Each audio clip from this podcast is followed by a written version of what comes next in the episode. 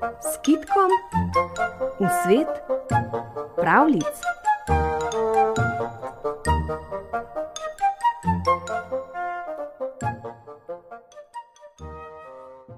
Živela je nekoč mati, ki je imela pet sinov, od katerih je bil vsak obdarovan s posebno močjo.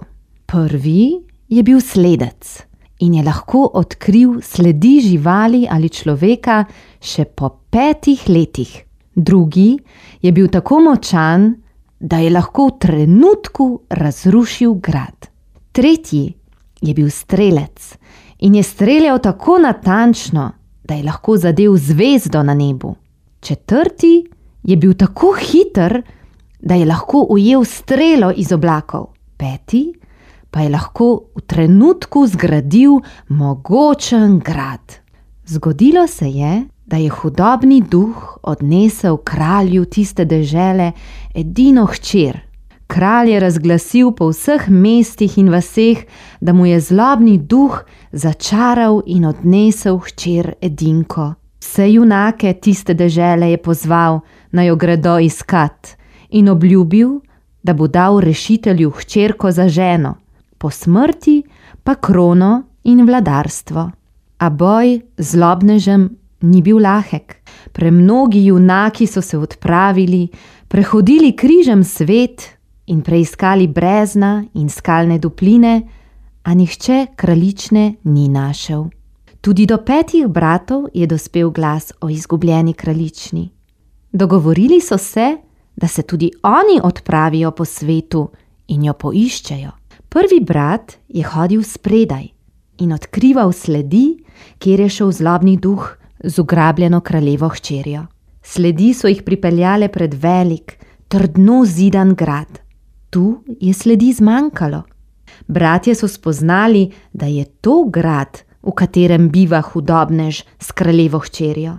Ustavili so se, na to šli okoli obzidja, a noter v grad niso mogli. Zdaj je prišel na vrsto drugi brat, ki je bil tako močan, da je v hipu razrušil zidovje, da je od gradu ostalo samo še kamenje. Ko se je grad zrušil, se je dvignil zli duh iz podrtije in odnesel kraljevo hčer visoko pod nebo. Tedaj je nastopil brat, ki je lahko zadev zvezdo na nebu. Pomeril je in ustrelil hudobneža. Zlobni duh je izpustil kraljično, ki je začela padati kot kamen proti zemlji. Pa je priskočil brat, ki je bil tako hiter, da je lahko ujel strelo iz oblakov in je ulovil deklico v svoje roke. Kraljična je bila sedaj rešena. Bratje so jo vzeli v svojo sredo in se odpravili proti domu.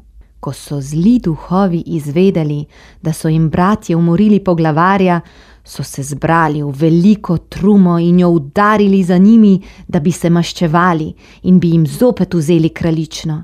Vojska hudobnežev je drvela za brati, in ko so jih ti opazili, niso takoj vedeli, kako bi se rešili. Pa je na zadnje nastopil brat, ki je lahko v trenutku zgradil mogočen grad. Na mah se je dvignilo okrog njih močno obzidje in bratje so se znašli v trdnem gradu. Hudobneži so pohajali okoli gradu, a so poskušali za manj, da bi ga podrli. Ko so spoznali, da ne bodo ničesar opravili, so jo jezni odkurili. Zdaj so lahko bratje odšli dalje proti domu. Kraljično so pripeljali v rodni grad in jo izročili kralju. Vladar se je silno razveselil, ko je zagledal rešeno hčer. Pa je vprašal, kdo jo je rešil.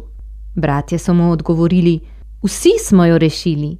Zdaj kralj ni vedel, kako bi izpolnil dano obljubo in komu naj bi jo dal za ženo. Rekel jim je: Dogovorite se sami, kdo bo omožil mojo hčer. Če ste vsi rešili kraljično, ni mogoče, da bi jaz odločal o tem. Bratje so se posvetovali, a se niso mogli pogoditi. Sklenili so, da gredo domov in povprašajo svojo mater za nasvet in da prepusti njej odločitev. Vrnili so se na rodni dom in povedali materi, kako in kaj se jim je dogodilo.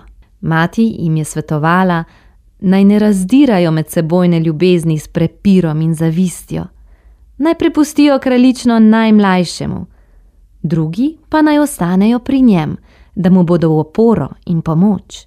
Tako se je tudi zgodilo. Bratje so poslušali materin nasvet. Prepustili so kraljično najmlajšemu in so ostali pri njem. Skupaj so vladali, in ker so bili obdarovani s prav posebnimi močmi, jih ni nihče nikoli več preganjal.